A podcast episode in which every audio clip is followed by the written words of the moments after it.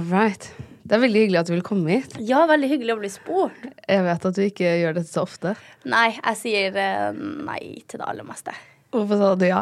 For jeg syns du er så søt. Nei, er det Ja. sant?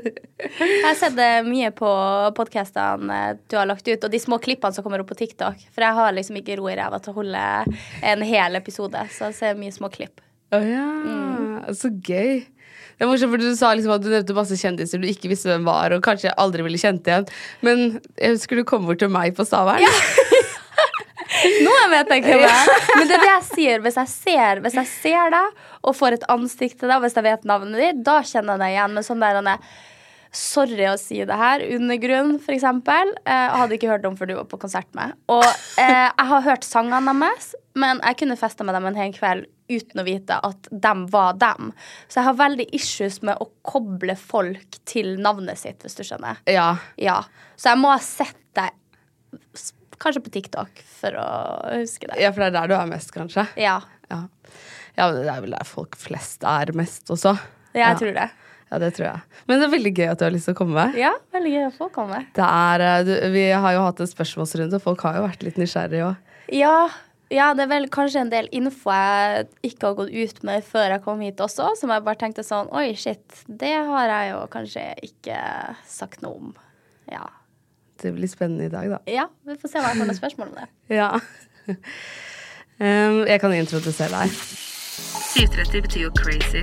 Hva er 730 i deg? Dette er 730.no, og jeg heter Mathilde Ullum. Velkommen til 730.no. Hun har vært i gamet siden hun var 14 år, og har siden starten ikke vært redd for å si ifra. Nå er hun en av Norges største influensere, og dronningen av reality.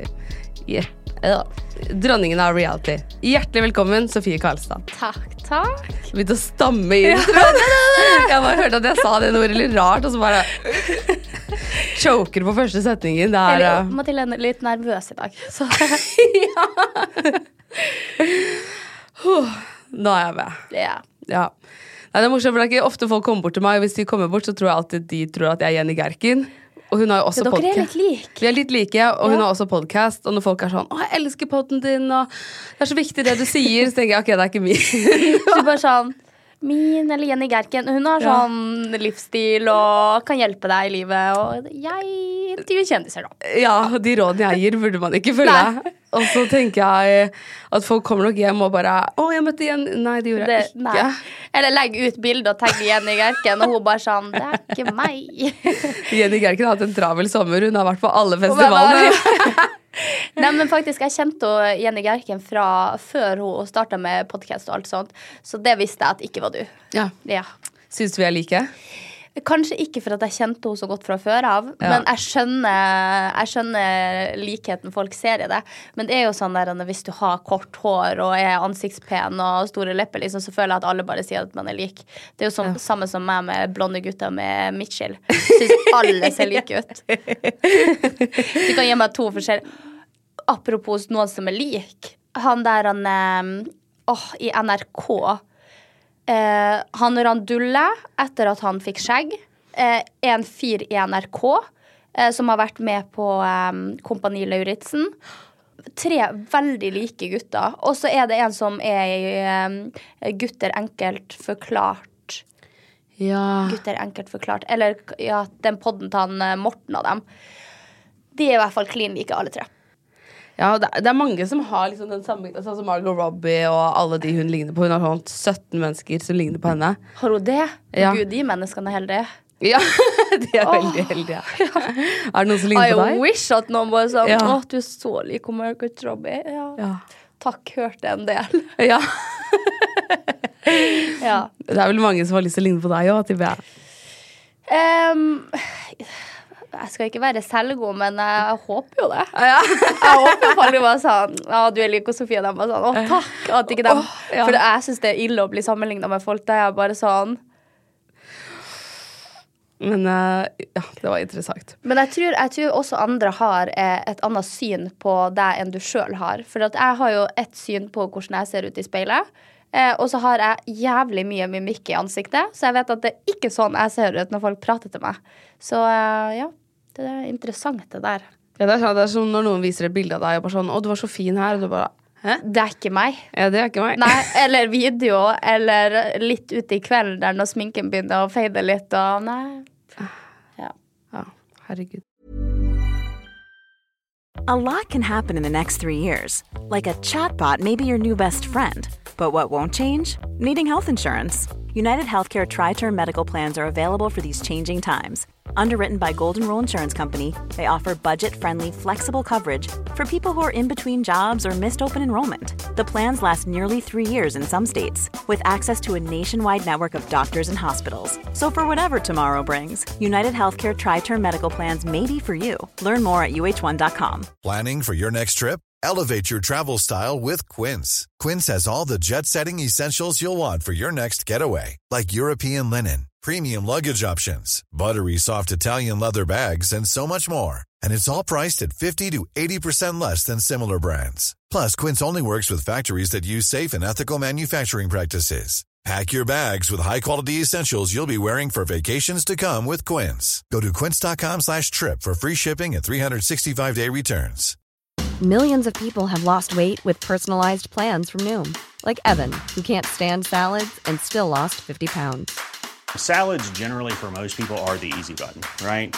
For me, that wasn't an option. I never really was a salad guy. That's just not who I am. But Noom worked for me. Get your personalized plan today at Noom.com. Real Noom user compensated to provide their story. In four weeks, the typical Noom user can expect to lose one to two pounds per week. Individual results may vary.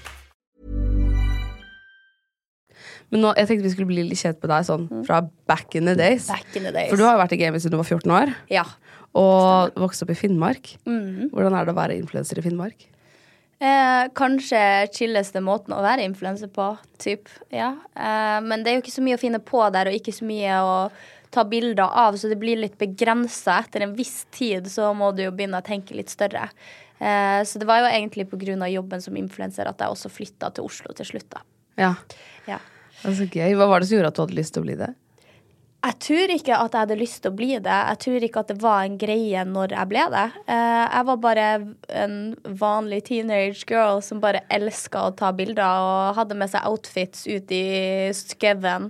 Holdt jeg på å si, Vi hadde én spot da som heter Fossholla, eh, og der var det veldig fint. Så dro med oss poser på poser på poser, og så gikk vi ut til kirkegården og ut til Fossholla da, og tok masse bilder på, eh, på ettermiddagen. Også. Men det er jo influencer mission, da. ja, men sant, det var jo ikke en greie da. Det var jo ingen som jobba som influenser. Det fantes jo ikke eh, typ nesten bloggere. Bloggere hadde akkurat blitt en greie. Ja. Så ja. Det var Ja, For det er jo en liten stund siden. Ja, jeg, liker jo å tro at jeg er 03, men det er jeg ikke. Eh, så eh, det er jeg begynner å bli en jeg hvordan det liten hørtes ut. Jeg vet jo ikke det, men, nei, men altså blogge Altså influenserkarrieren har jo ikke vært så lenge. Nei. Eller yrket har jo ikke fantes så veldig lenge, da, så det er jo ikke Nei, det var vel Når var det vi starta med de her greiene her som ble influensing til slutt? Det var vel når jeg ja, 2012? Ja. Ja. Ja Når man akkurat hadde liksom kommet på Husker du når jeg fikk eh, Instagram for første gang?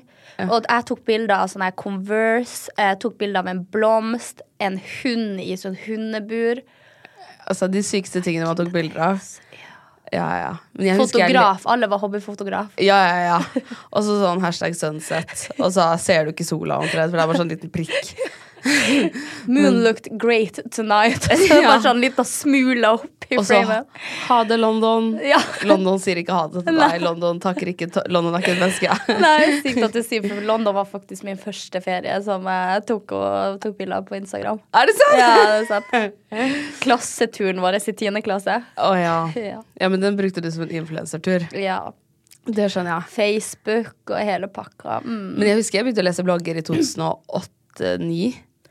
Ja, oh ja, det var såpass tidlig. Ja, da, da var det sånn Ida Wulf og Ulrikke Lund. Ja. Og så kom Fotballfrue litt senere. Å, herregud, nydelige menneske. Åh, Om. hun er så søt. Ja. Det er så rart at jeg liksom satt og leste bloggen hennes. Eh, Bestevenninna mi back in the days, hun var jo altså for sin største fan. Og nå driver vi og henger sammen litt, for at vi er i en sånn uh, idyllgjeng. Uh, altså vi driver og henger litt. Det var så rart hvordan veiene på en måte krysses etter hvert. da. ja, plutselig jobber dere sammen. Ja, plutselig er hun bare en helt vanlig, men jeg satt og leste bloggen hennes for masse år siden. Ja. Det Veldig rart. Jeg så henne på, den, på en fest hvor dere også var, og da var jeg sånn Herregud, der er fotballfrue. Hun Jeg har aldri. Hun er så glamorøs. To kids. Og hadde mann i sånn 13 år. Jeg tror jeg hadde gitt opp. Jeg, jeg hadde faen ikke kommet i den kjolen hvis jeg var godt gift og to kids og Men hun ser bare ut som en liksom Hollywood-frue. Ja, men jeg tror hun er det. Hun Et er jo det. Ja, ja, at heart. Altså sånn, Du vet når vi var på Stavern eh, dag tre, og vi bare sånn Molly Funken så hverandre på fro- frokost sånn, Ja. møtte jeg henne i løpeshorts i trappa. Da skulle hun på løpetur. Nei. Jo. Så ille er det. Oi. Mm. Jeg så henne ikke på Stavern, men det sier kanskje litt om hvor full Ja. det sier kanskje mer om meg. Det sier kanskje mer om meg. Det er akkurat det. Ja. Herregud. Men også henger dere. Hva, hva, hvem er i denne gjengen, liksom? Eh, I den eh, altså, eh, festivalgjengen vår så er det meg, Anja, som jeg er podcast med. Eh, Madeleine Pedersen, hvis du husker henne. Maddepadde Ja. fra back in the days. Eh, Emilia. Og så er det dattera til han som har Idyll, som heter Hanna. Eh, og hun Karoline. Bergerisen. Herregud, så Vi er en gøy. Ja. Koselig. Ja, veldig koselig. Ja. Og dere drar på idyll. Ja, Dro dere på alle- Stavern òg? Eh, jeg var ikke på Idyll i år, fordi jeg har alltid noe som skjer i Idyll-helga, men skal i år. Eh, så vi blir nok å dra innom både Idyll, eh, Stavern og Findings. Ja. Ja. Hørtes gøy ut. ja. Det er gøy. Ja. Jeg Du, er du også på alle? eh, nei, jeg har bare vært på Stavern. Ja. Og Findings. Ja. Så, Men Stavern er det beste. ja, det er veldig gøy. Ja. Nå har ikke jeg opplevd Idyll, men de sier at det er det beste. Men ja. Ja. ja, Det er veldig morsomme festivaler, i hvert fall. Jeg har alltid hatt det veldig gøy. Ja. Ja, men liksom- Findings føler jeg bare drar for at jeg får FOMO hvert år. Altså sånn hvis jeg ikke er der. Ja. Fordi at uh, Findings synes jeg det, Du får ikke hele den festivalopplevelsen. Du bor liksom i Oslo, og så bare stikker du innom, skjønner du. Ja. Jeg syns det er litt diggere på Stavern når du eh, ja, bor på hotell, og alle er en gjeng, og det Ja. For at man reiser litt blir noe, ja, det blir noe annet. Ja. Oppe på et jorde, på en måte. Ja. Ja. det er akkurat det. Med litt, med litt ting. Ja. Ja, Og så ser man plutselig hele Oslo der i stedet. Det er jo omtrent Mm. ja, det er jo akkurat samme folka som du ser på Findings. Ja.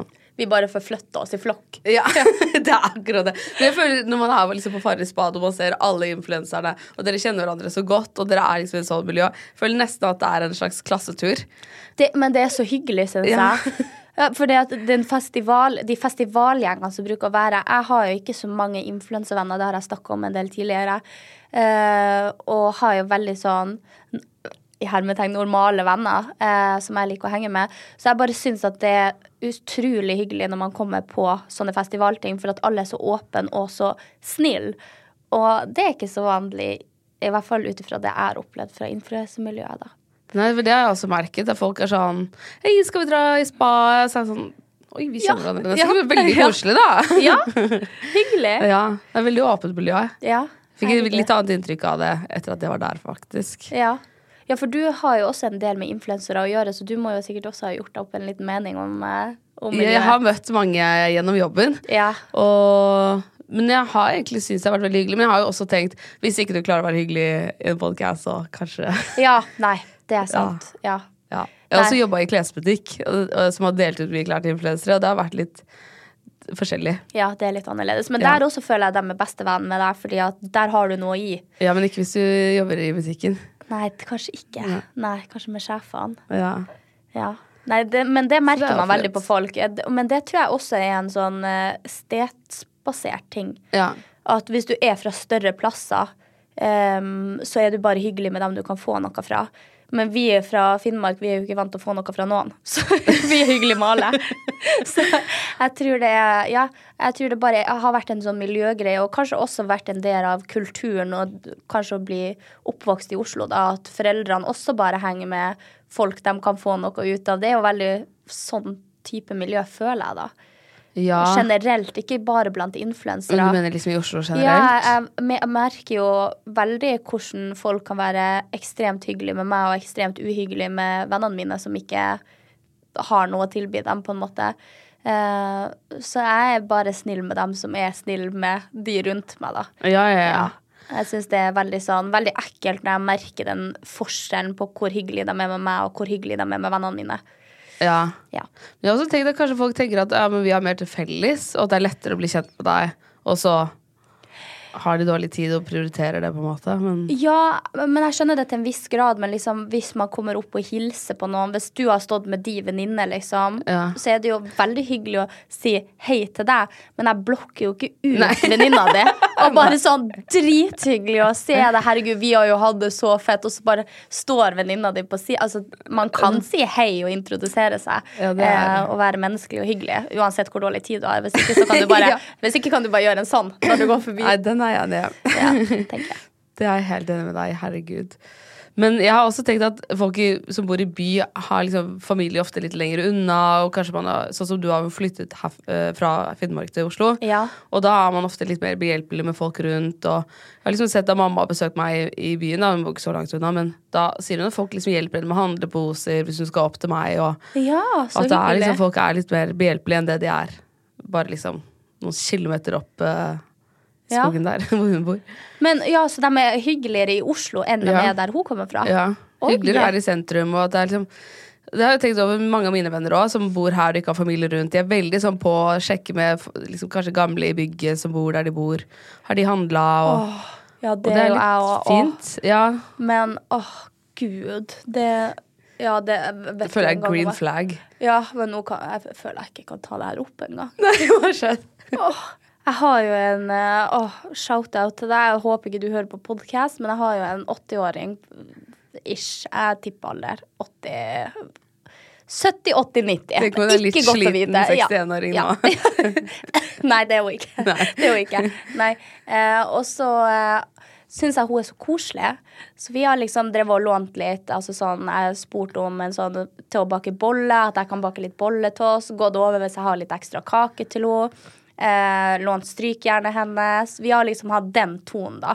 Eh, og så har jeg sendt henne melding at hvis hun føler seg ensom, for hun bor helt alene, enslig kvinne da, eh, at vi kan dra liksom på eh, hva det heter, kafé og sånn, hvis hun vil. Eh, fordi at jeg har jo ikke så mye å gjøre om dagene, jeg heller, når jeg er influenser. Og så eh, har vi liksom holdt meldingskontakten frem og tilbake, og eh, nå eh, for noen dager siden så skulle jeg steke biff, og så klarte jeg å utløse, du vet, den der eh, Brannalarm.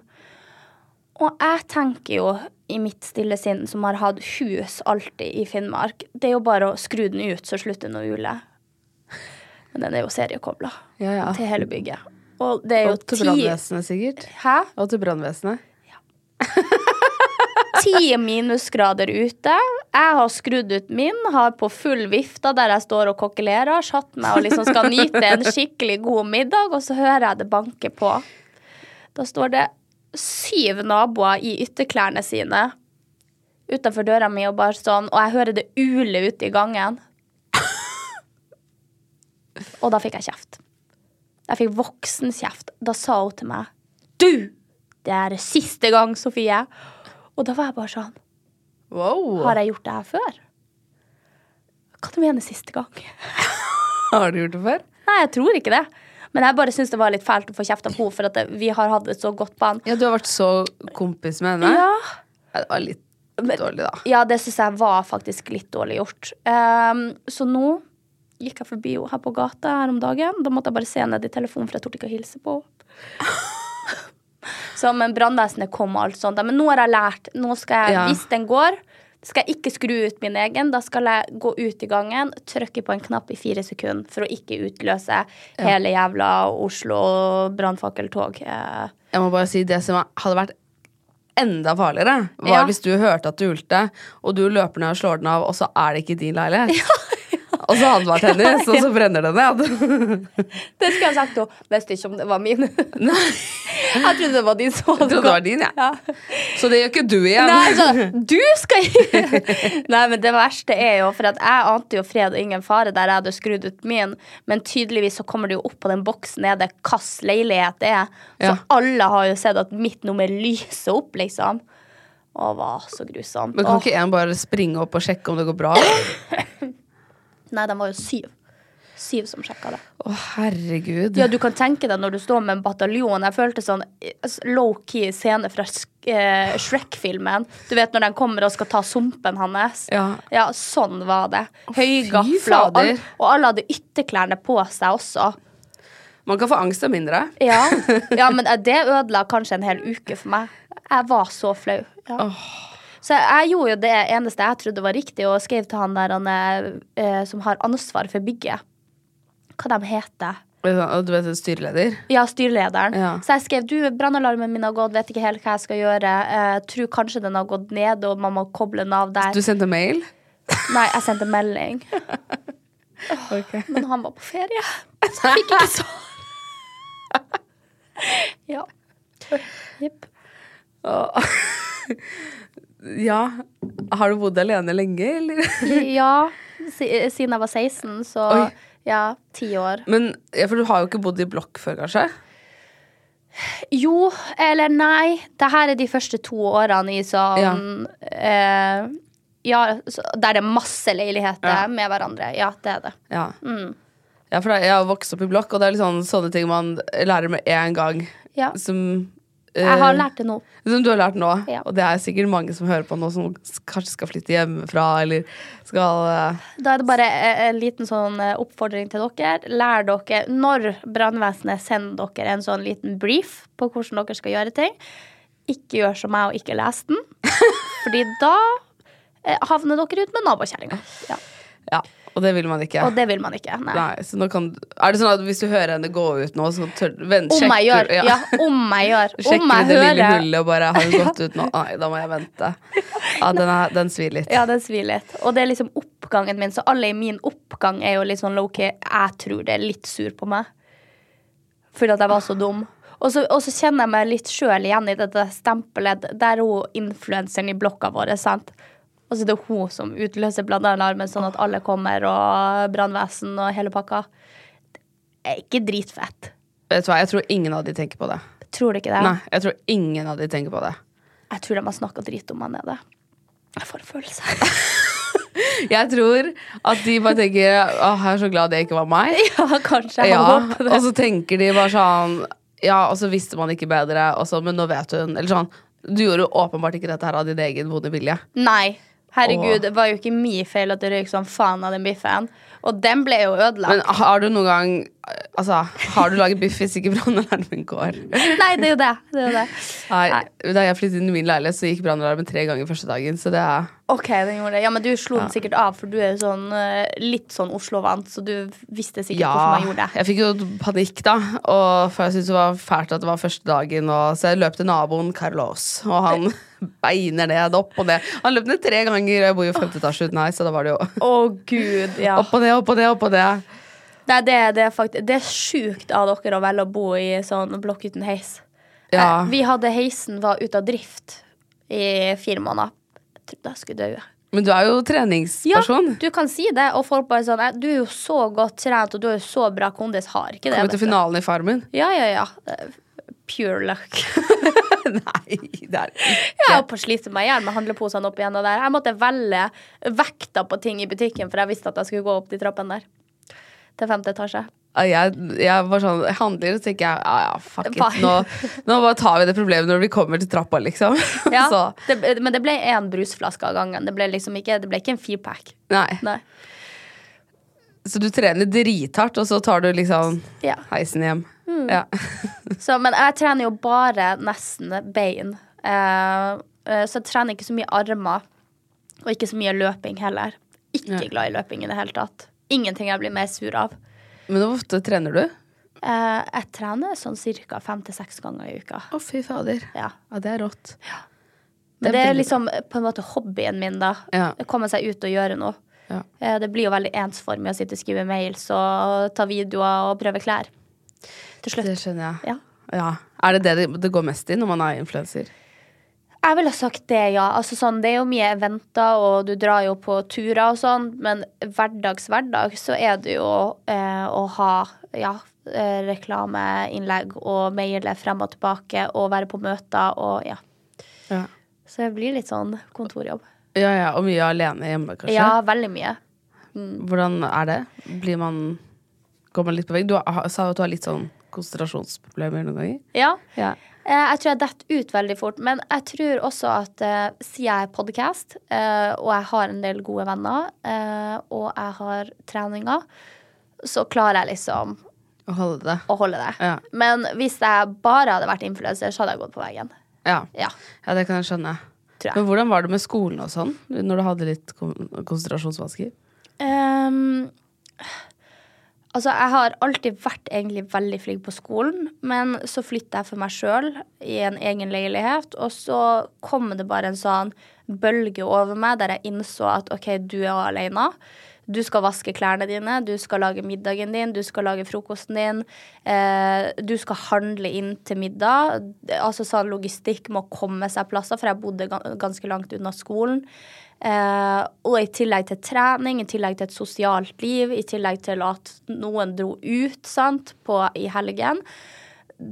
Det ble så mye at jeg på en måte på videregående da ikke hadde så mye å gi på skolen. Jeg ble veldig deprimert også. Eh, fordi at jeg var vant til lille Finnmark, der vi er fra en gjeng der alle er sykt forskjellige, men alle bare godtar hverandre. Og så kom du til et litt større miljø der du skulle coexist med folk som var lik deg. Eller sånn Da burde du henge med de som har like interesser som deg. Og det, jeg syns det var litt vanskelig, fordi at jeg ble putta i en bås som Ja da, influenseren, hun som bryr seg om sminke, hun som bryr seg om klær. Og så følte jeg for første gang på at folk ville konkurrere, eh, og folk ikke kanskje var genuine og ekte venner, da. Eh, så i tillegg til alle de tingene du hadde på skuldrene dine, så visste du ikke hvem som snakka drit om deg når du reiste deg fra bordet i kantina. Så ja, det er kanskje ikke den beste tida i mitt liv, da, tror jeg. Det hørtes veldig tøft ut. Ja. Du var 16 år og flyttet hjemmefra. Ja, 16 år. Mm. Fy fader, var det langt unna? Ja, jeg bodde seks timer unna foreldrene mine. Så da kan man ikke bare reise hjem i helgene? Å ja, nei, nei. Jeg, var, jeg kunne kanskje reise hjem sånn fem ganger i løpet av et år. Så man var jo bare et barn, da. Sofie. Ja, det var kjempetrist. Og så var det litt, det var litt trøbbel også hjemme på den tida. Eh, litt sånn ting som hadde skjedd i mitt eh, private familieliv også. Så det var, det var en heavy periode. Det var det. Mm. Men jeg fullførte videregående. Eh, Det skal du være stolt av. ja, og det var greie karakterer, men kanskje ikke det jeg hadde forventa fordi at jeg var så god på skolen eh, tidligere. Og mamma måtte jo tvinge meg ut av huset for å gjøre noe annet enn lekser, liksom, fordi at jeg satt så mye inne og bare holdt på med mitt. Eh, sånn at jeg var veldig skolesmart tidlig. Men eh, mista det kanskje litt av ytre faktorer etterpå, da. Ja, det skjønner jeg. Mm. Og du er så langt hjemmefra. Det er, Ja. det er jo mange som må flytte hjemmefra pga. avstand til skoler og sånn, men de fleste reiser jo hjem i helger og har kanskje foreldre som kommer og handler for dem og vasker alle klærne. Og, Ja, nei, sånn var så det det er nesten ikke som å flytte hjemmefra, har jeg tenkt, da. Men Nei, det du det gjorde, sånn, var jo Ja, og foreldrene mine var jo aldri på besøk hos meg i, der jeg bodde, da. Eh, og det var jo også fordi at når man eh, flytta hjemmefra så tidlig, så hadde man bare en liten hybel, så det var på en måte ikke plass til å ha noe besøk der. Og så tror jeg ikke veldig mange som ikke har et forhold til Finnmark, vet helt hvordan Finnmark fungerer. For ja, det er Norge, men altså det er ikke hver dag bommen er åpen og du kan kjøre hjem. Eh, sånn at veldig mange ganger så er det sånn at du ikke kommer deg hjem. Eh, også pga. værforhindringer og sånt. Sånn, jeg tror på det meste for ett eller to år siden at bommen i Mehamn, inn til Mehamn, der jeg kommer fra, da var stengt ja, rundt eh, flere uker i strekk. Hæ, så da kommer man seg ikke ut? Nei. Da kommer ikke post inn, du kommer deg ikke ut fra bygda. Og sant, alt varetransport også går jo via semitrailere, så kommer ikke inn og sånn. Vi har jo levd på sommeren to uker uten strøm også, eh, og internett, og bare ja. ja, det er helt sykt, men altså, jeg bor, jeg bor ikke i Alta. Jeg bor i Mehamn. Hvis folk søker på hvor Mehamn er, så ser du at det er like langt fra Mehamn til Svalbard som det er fra Mehamn til en plass i, i um, Norge, da. Oi! Mm, så Jeg skjønner at det er omveltning for deg å flytte til Oslo. Ja. Og da er man jo sånn Ja, det er ingen som hjelper hverandre fordi det er er så, Ja, fordi bare, forbi Alle er så utrivelige! ja, fordi det går forbi 10 000 mennesker som bare flyr forbi deg, Ja. og som er på vei til sitt og har dårlig tid. Og Ja, jeg er bare sånn, hva faen? Vi er 600 mennesker, alle hilser på alle, liksom. Og jeg var sånn, nei, vi er så, det er så fantastisk her, og noen vil hjelpe mamma med å bære poser. Og. Ja. Ja, Low det- expectations. Yes.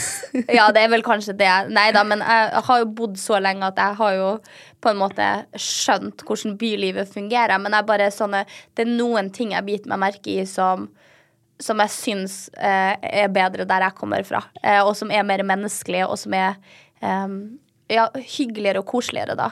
At man har litt eh, For det er kanskje litt sånn at hvis du forstuer foten eller brekker beinet, så vet jo alle det, kanskje. Ja, og hjelper deg. Og hjelper og kjører bærer deg bort. og, Og, ja, ja, ja, ja.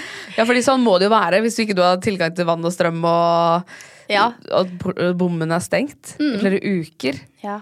Ja, Da må man jo hjelpe hverandre, Fordi en dag er det du som trenger hjelp. ja det er sant. Altså Nå følte jeg at jeg ikke kjenner mitt eget land, holdt jeg på å si. Det Ja, ja, det er sikkert mange som tenker det, og som eh, ikke har vært nordpå, og som ikke helt vet hvordan det funker. Så jeg er veldig glad for at jeg er derifra og har flytta til Oslo, for nå føler jeg at perspektivet mitt på Norge og verden og eh, alt det her er mye bredere enn hvis jeg bare hadde kanskje bodd i Oslo. Ja, ja, ja. Eh, for at man har jo Det er jo et jetsett-liv. Som du sier, ting skjer hele tida. Folk er mest opptatt av meg og mitt fordi at det er det de kan fokusere på, i og med at de har så mye annet i hverdagen sin. Mm. Men det er veldig sånn chill å komme fra bygda. Kanskje litt annen mentalitet der, ja. Veldig annet. Ja. Ja. Ja, det kan jeg forstå. For her, bare i Oslo, så er jo ting ekstremt forskjellig bare du reiser litt med T-banen, på en måte. Ja. Så er det jo Noen steder skal jo du liksom løpe rundt Sognsvann før du har vært på skolen omtrent. Og Ja, det er Ja. helt sykt. Jeg skjønner ikke hvordan småbarnsfamilier i Oslo klarer seg. Jeg klarer ikke å skjønne hvordan de legger opp kabalen. Altså sånn, Du skal stå opp, du skal fikse deg sjæl. Du skal lage frokost, du skal få ungene opp, du skal pakke lunsj, du skal få dem på skolen, og så skal du komme deg på jobb sjøl. Creds til alle dere. Men det har bare fått meg til å ikke ville ha barn. Litt. Cool fact a crocodile can't stick out its tongue. Also, you can get health insurance for a month or just under a year in some states. United Healthcare short term insurance plans, underwritten by Golden Rule Insurance Company, offer flexible, budget friendly coverage for you. Learn more at uh1.com. Millions of people have lost weight with personalized plans from Noom, like Evan, who can't stand salads and still lost 50 pounds. Salads, generally, for most people, are the easy button, right? For me, that wasn't an option. I never really was a salad guy. That's just not who I am. But Noom worked for me. Get your personalized plan today at Noom.com. Real Noom user compensated to provide their story. In four weeks, the typical Noom user can expect to lose one to two pounds per week. Individual results may vary. Nice. Yeah. What you're hearing are the sounds of people everywhere putting on Bombas socks, underwear, and t-shirts made from absurdly soft materials that feel like plush clouds. Yeah, that plush. And the best part? For every item you purchase, Bombas donates another to someone facing homelessness. Bombas. Big comfort for everyone. Go to bombas.com slash ACAST and use code ACAST for 20% off your first purchase. That's bombas.com slash ACAST. Code ACAST. Ja, du har tenkt det nå? At ikke du Ja, altså sånn nå eh, Ingen tanke som har streifa meg om at jeg har lyst på kids. Jeg bare skjønner ikke hvordan jeg skulle ha klart å få dagene til å gå opp med det. Men tror du ikke at når du først står overfor det, så finner du en måte uansett? Jo, men jeg tror jeg blir ganske sliten. Jeg bare ser for meg skikkelig trøtt og sliten mor, liksom. Jeg tror, ja, jeg tror det er bedre å ha den innstillingen til det enn at man tenker ja, ja, men jeg kan jo jobbe litt men i permisjon eller sånn, for det har jeg hørt er vanskelig. Ja, det tror jeg på. Ja, ja, ja. Å, herregud. Men uh, Herregud, det var så spennende. Jeg har liksom bare begynt å se for meg hvordan det har vært Hvordan det er nordpå. Ja, hvordan det er nordpå, og den, hvordan det er i Mehamn og Var det der det det het? Ja. Ja. Herregud. Det høres litt koselig ut. Men hvis man drar dit, så risikerer man jo kanskje ikke å komme hjem til tiden. da Ja, veldig. Så nå skal jeg jo hjem til jul. Øh, og flyr fra Mehamn 27. Ja, er det 27. desember? Og så har jeg en ny billett fra Oslo til Miami 28. Så jeg driver jo bare og ber til værgudene om at det ikke er snøstorm eh, og fokk og rock når jeg skal dra den 27., for da kan jeg bare glemme Miami-turen min. Da kommer jeg meg ikke i tide. Oh. Ja, så det, det er litt uh, no guts, no glory der, altså. Hjem til jul. Det er ikke sikkert jeg kommer meg på ferie da. Men, åh, kan de ikke lage Netflix-serie om det, da? Hjem til jul, og Mm. Så til blir man stengt inne med bommen og Å nei! Å, la oss bare Nei, ikke nå, da. Ikke nå. La oss bare håpe at ikke det skjer. Men hvordan er det å reise hjem til jul nå? Til familien? Har det blitt bedre der, eller? Eh, ja, altså sånn familierelasjon, tenker du på? Ja, det var Ja. bare rookie et lite år der eh, mens jeg gikk på videregående.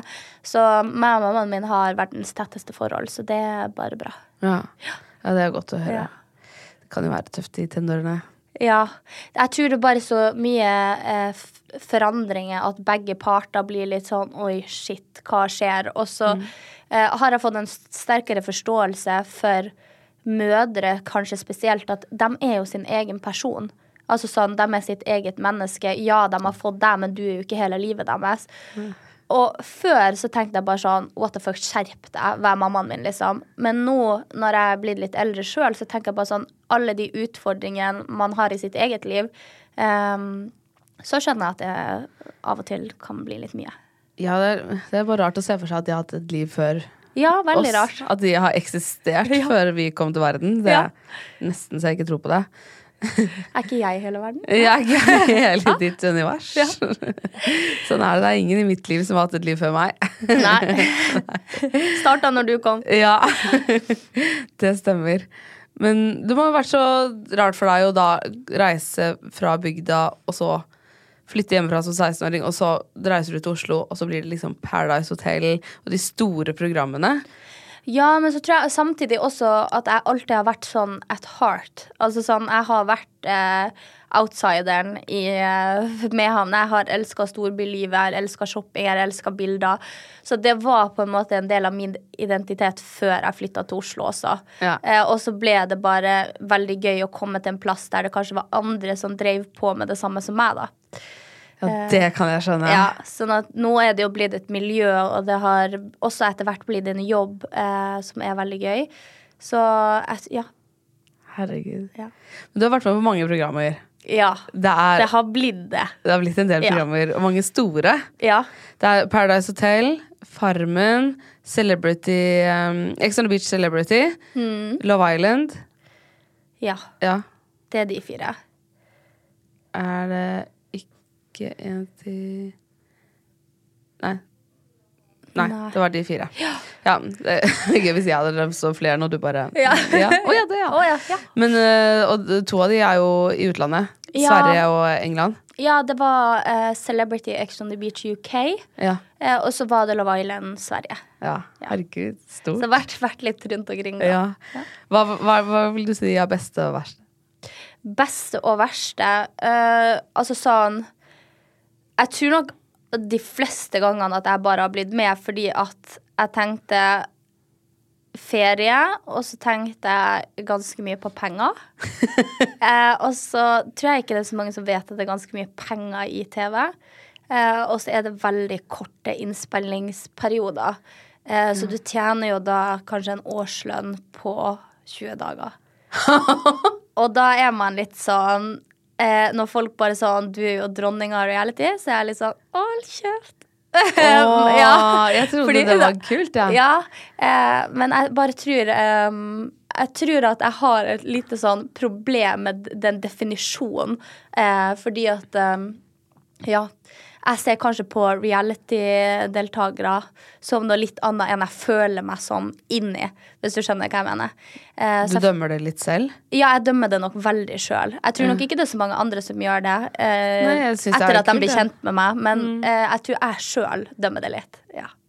Ja, jeg, jeg tror jo folk skal vite at når man sitter og ser på TV, det er ikke bare bare. Det er ikke hvem som helst kan være med i de programmene. Og det er jævlig vanskelig å komme med. Ja. Og du skal bjuda på, og du skal være Det er vanskelig å være en god karakter òg. Ja. Og det er noe TV-kanaler bruker veldig mye tid på å finne. Ja, det er sant. Så det er stor kred, og det er veldig kult. Og det er veldig kult at du har vært med i utlandet. Du har vært i Sverige, du har vært i England, eller ja, i UK, og du har vært i Farmen, som er Eller på Farmen, som er et av de største programmene i Norge. Mm. Ja, jeg tror kanskje av alle programmene Altså sånn likte Farmen-konseptet best. Eh, der følte jeg at man fikk utfordra seg sjøl. Man hang litt med gamle og unge og fikk lært litt. Og det var liksom ikke den typiske reality-reality-deltakeren. Eh, så jeg trivdes kanskje best på Farmen kjendis. Eh, og så tror jeg sånn artigst Altså, jeg, jeg synes jo det når Det jeg ikke tror folk vet da når man er på sånn utenlandsk innspilling, sånn som for eksempel Celebrity Ex on the Beach UK. Altså, jeg lå jo bare og solte meg og gikk til kjøleskap. Kjøleskapene er jo stekka med, med drikke, alt du vil ha. Eh, sjokolade, alt du vil ha. Chips, alt du vil ha. Så jeg lå jo bare Jeg var jo bare på ferie. All inclusive eh, resort, liksom. Og Og fikk penger. penger. Ja, og fikk penger for det. Eh, så um, ja. Det er veldig Det hørtes gøy ut, Ja. men jeg så at du var litt misfornøyd med klippingen på Celebrity UK. Var det, nei, var det ikke PH jeg var det på? Å ja.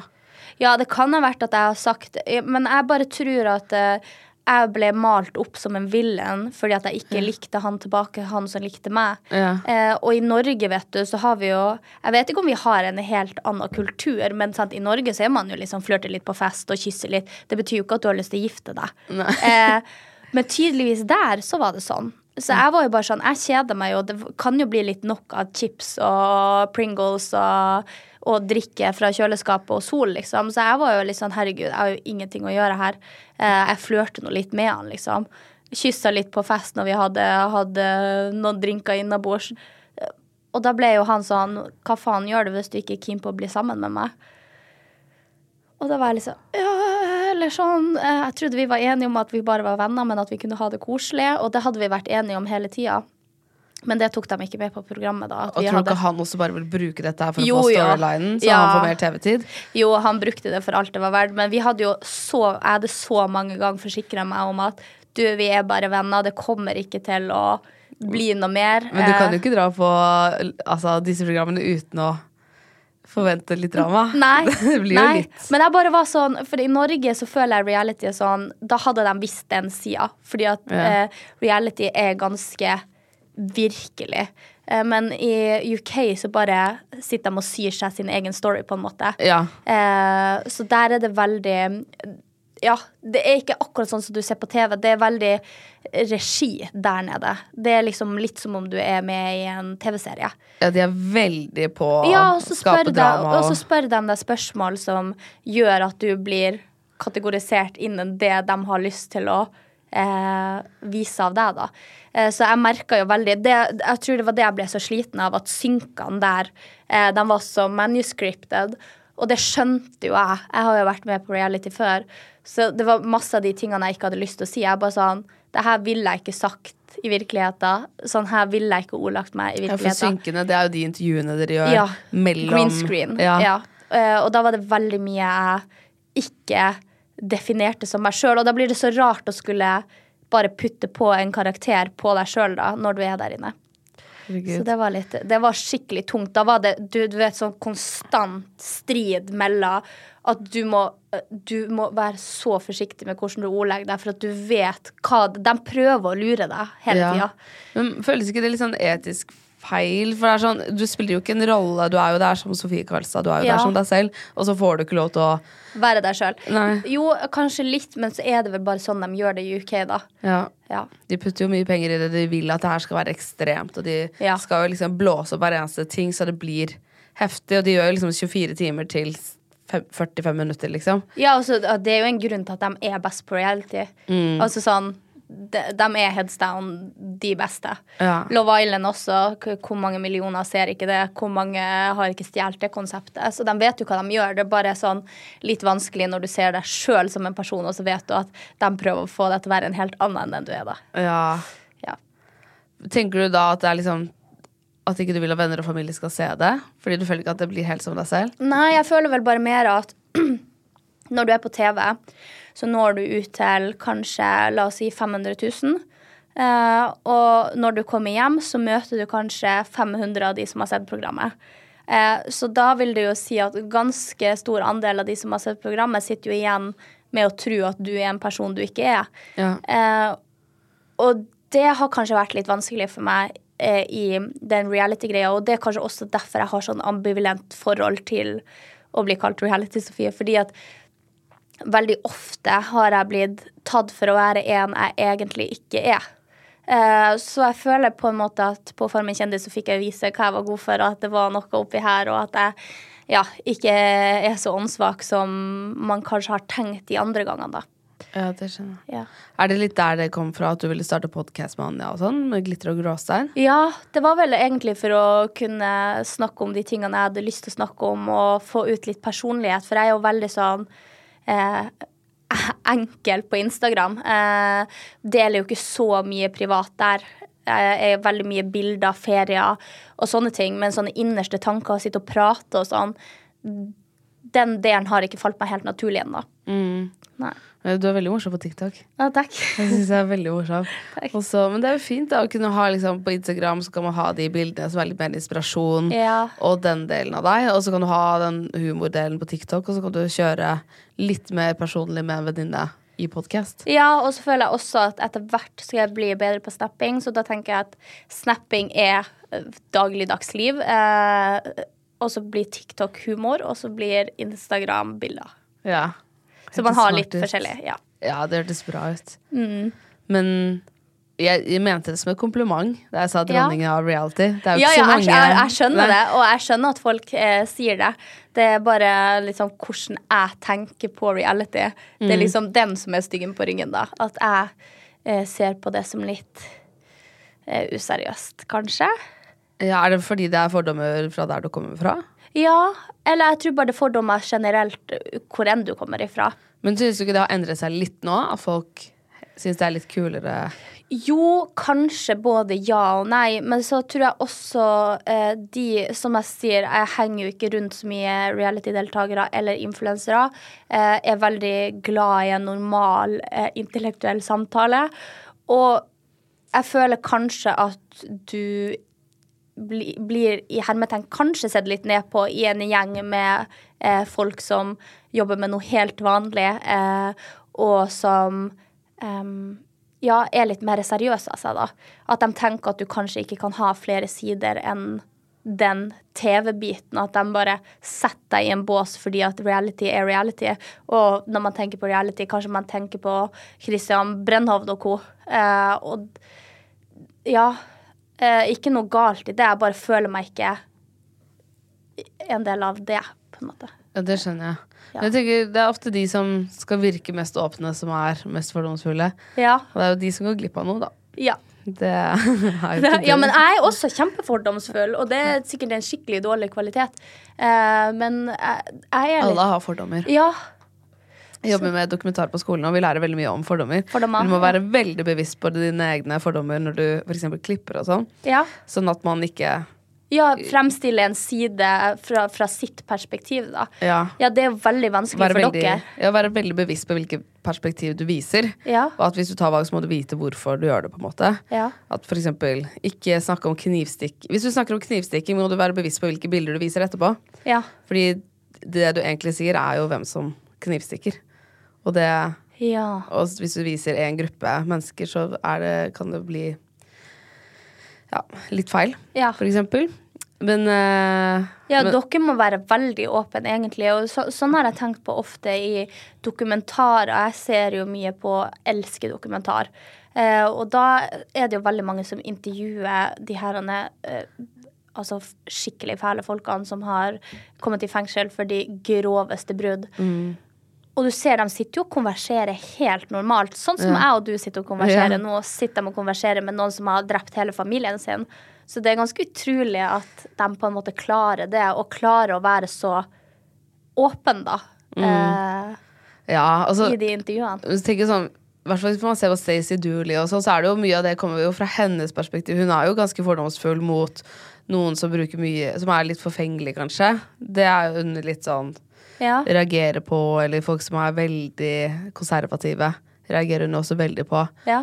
Men det er jo nok folk som er konservative som reagerer på henne og tilbake. Ja, ja, Det betyr jo ikke at det hun gjør er riktig, selv om det er hennes perspektiv vi får se. Er, det er jo både, ja, veldig interessant. Men Det eh, veldig rart. det vi lærer mest om, er jo at alle har fordommer. Og det kommer jo fra liksom, urmennesket. At man skal være redd for hvilken flokk som kommer. Kan vi stole på dem eller ikke?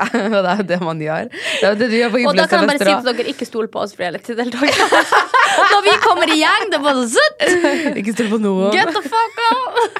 Det er det mamma alltid sier. Ikke stol på noen. Nei. Ikke gjør det. Men er det det du kjenner litt på? At ikke du føler at du kan stole på alle? Em, jeg stoler nok på veldig få. Eh, men jeg tror også jeg er veldig naiv. Så jeg, dobbeltsidig der, dobbeltsidig tape der. Uh, uh, jeg tror kanskje at jeg ikke stoler så lett på folk, men jeg er veldig åpen bok. Så hvis, derfor må jeg bare kutte ut folk jeg ikke tenker at er genuine. Og det er kanskje veldig hardt. Jeg kan plutselig bare kutte deg ut av livet mitt, og så hører du på en måte nesten ikke fra meg igjen.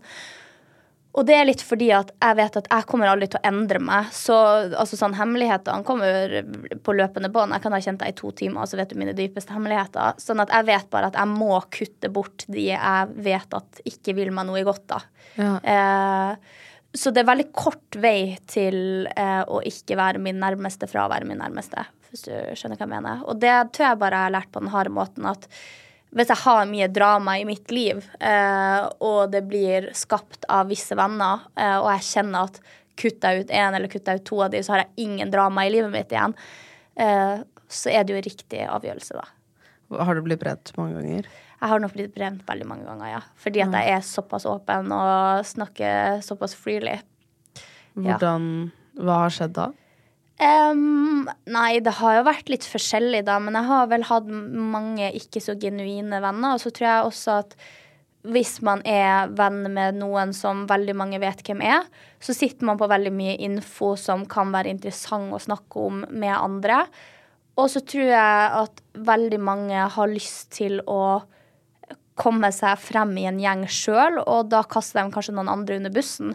Eh, sånn at eksempel, la oss si at jeg var dritgod venn med hun Bianca Ingrosso, da.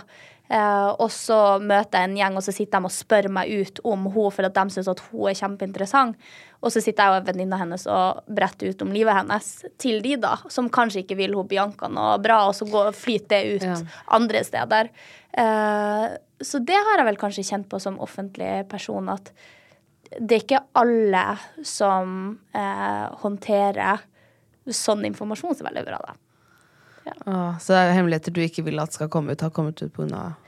Ja, og så bare sånn uh, generell liksom drittslenging, at de kan hive seg på hvis noen uh, har en dårlig mening om en fordi at man kanskje ikke har hengt med dem på en eller to uker for at man ikke har hatt tid.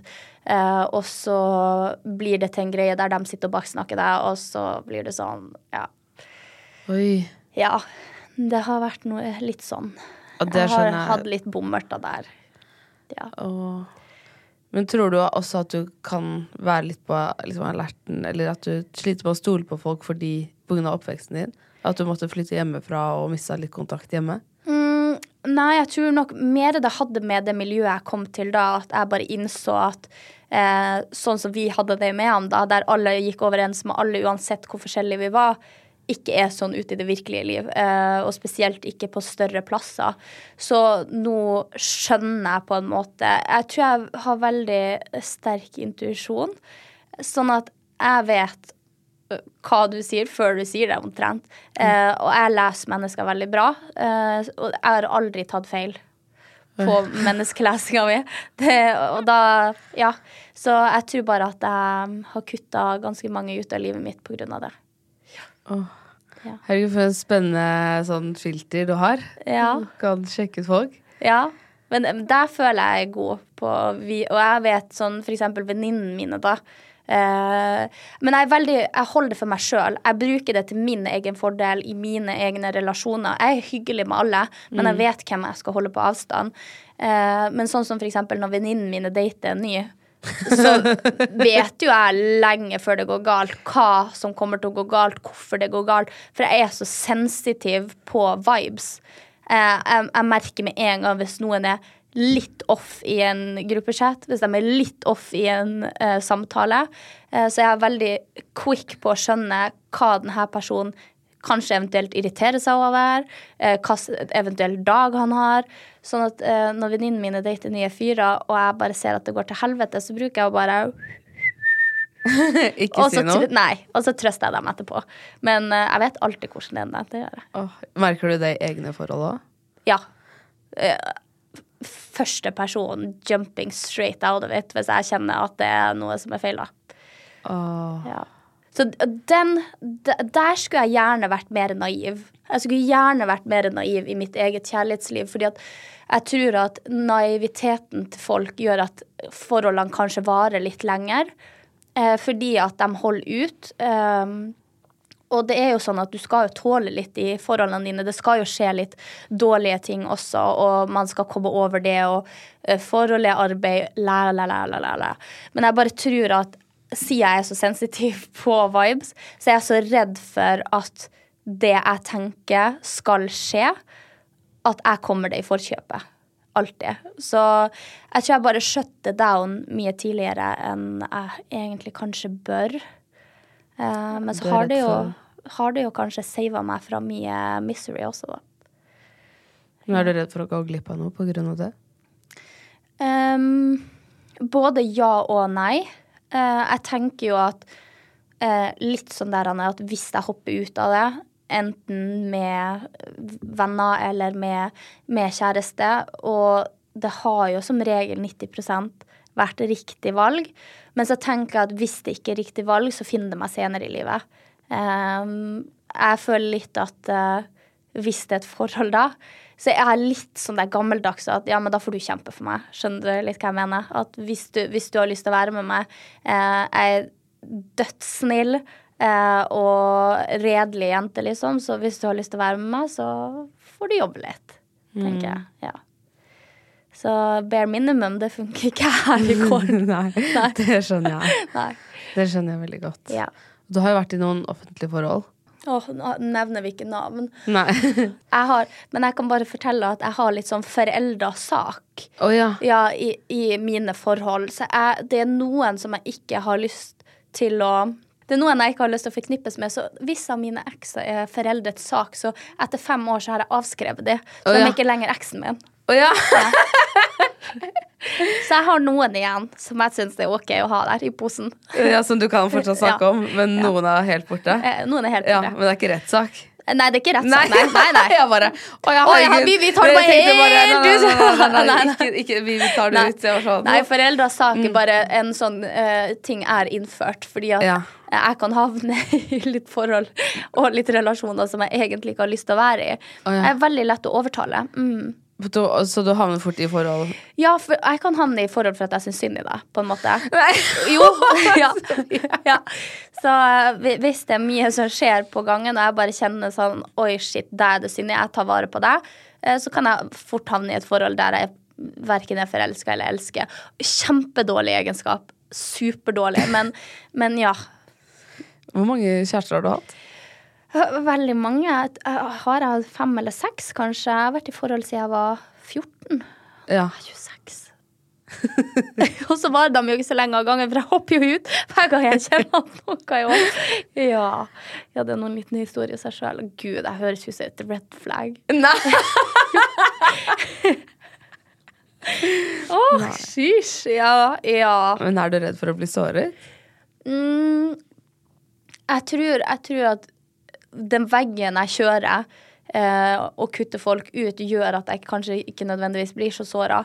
Eh, og det har kanskje hjelpa mye på det, men det, jeg tror jo det er en eh, forsvarsmekanisme for å ikke bli såra. Så det kan jo være at jeg deep down er redd for å bli såra. Men så har ikke det skjedd så veldig ofte. Ja, for du Enda. stopper det jo før det kommer Ja, dit. det er det. Ja. Det skjønner jeg, det er vanskelig. Ja. Du har jo hatt Du har jo et traume, hørtes det ut som, da, når du snakker om da du flyttet hjemmefra. Ja, og så tror jeg også, eh, siden at jeg bodde i Finnmark og hadde veldig mange avstandsforhold, eh, så var det mye utroskap tidlig. Eh, ja. Og sant, min intuisjon fant jo ut av det hver gang, så det var jo ikke så bra med den intuisjonen der. Jeg har jo liksom catcha eh, han andre jeg var sammen med, tror jeg. Var det han andre, eller var det han tredje? Nei, han andre. Han andre jeg var sammen med. Eh, da hadde jeg jo bare en feeling på at han har eh, vært utro. Jeg hadde en feeling på hvem han hadde vært utro med. Så jeg bare sånn Jeg vet alt. Så jeg bare satte han ned i senga og bare sånn Jeg vet alt. Jeg vet, jeg vet at du har vært utro med henne, og jeg bare sånn Jeg skulle ønske du bare var ærlig, så jeg slapp å finne det ut på denne måten. Og han ble jo helt stressa. Han bare sånn hva mener du? Eh, hvem har sagt det? Og, det var bare feil. Og jeg bare sånn Fy faen, du har faen meg gjort det, du! Han bare sånn Hva prater du om? Jeg bare sånn din jævel! Jeg bare, Nå forteller du alt! Og så fortalte han jo alt, da. Det var jo helt så riktig. Så du slipper å bruke det på bruke, Ja, gjøre det på denne måten? Ja. Eller finne det ut på denne måten? Ja. Du brukte kreftene brukte... dine? ja. Så innrømmer han alt, da. Men uh, ja, det, ja. Så det var sykt. Åh, mm. jeg blir litt redd. Ja, men, du var sånn Jeg bare, her skjedde barnebarnet til lille Bendre. Ja. men man skal ikke kimse av litt magiske krefter, altså. Nei. Men altså, akkurat kvinnes... de magiske kreftene skulle jeg kanskje vært foruten. Altså sånn, Tenk så deilig å være naiv. Men bare Lili... flyte rundt på sin egen uh, lykke. Og bare tro at alt er bra. Og, nei, det hadde vært herlig. I wish. Ja. Lilly Bendriss snakker jo noen ganger om at hun må legge kreftene på hylla. Og hvis hun snakker med gode venner, så vil hun ikke vite hva som skal skje med de, Nei. Nei, jeg vet ikke hva som skal skje med deg, altså. Nei. Så du, du trenger ikke å sitte og være stressa bare sånn fuck. Nei. Nei, du kommer så... til å bli dumpa når du kommer hjem. Ja. det ser dårlig ut for deg. Ja, Nei, da må, jeg, da må, jeg, liksom vite litt mer. Um, det er jo det jeg sier, at jeg, jeg bare kjenner på vibe. Ja, eh, sånn at, du ser på meldinger med en ja, gang. Ja, sånn at for eksempel hvis venninnene mine deler veldig mye om forholdet, hvor, hvor, lenge de har brukt på å svare, hva de eventuelt har svart, eh, når de eventuelt ikke er tilgjengelig. Da kan jeg si noe om hva ja. jeg vet blir å skje. Men altså sånn, når du sitter her og forteller og ikke har fortalt noe om kjæresten din, så kan ikke jeg si om han kommer til å dumpe deg i morgen. Liksom. Så sterk er han ikke. Åh, uff, ja. ja. Men tror du ikke også at du kjenner igjen litt av de stegene fordi du selv også pleier å være den som trekker deg ut av forhold?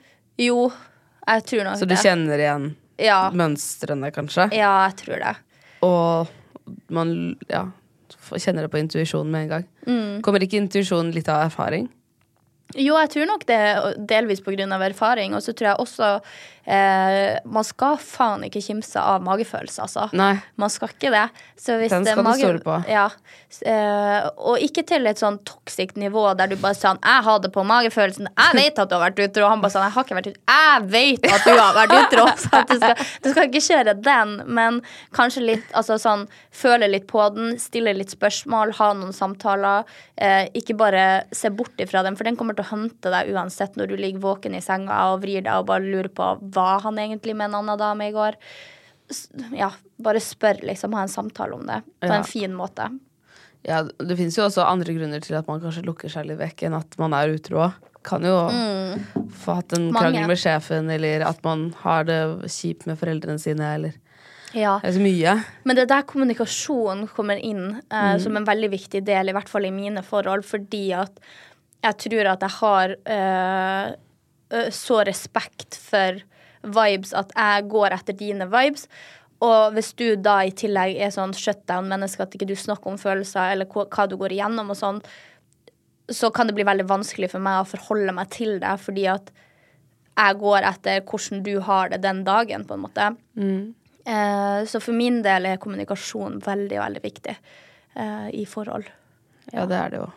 Ikke på en masete måte, men på en måte sånn at ja. Du vet hvor du har hverandre. Um, ja. Ja, man er jo et team, så man, skal team. jo gjøre ting sammen. Ja. ja. Det er sant. Har du lyst til å gå over til spørsmålsrunden? Ja, det kan vi gjøre. Spørsmålsrunden kommer ut i neste episode, og den er allerede ute nå, så bare gå inn i spilleren, så finner du den der.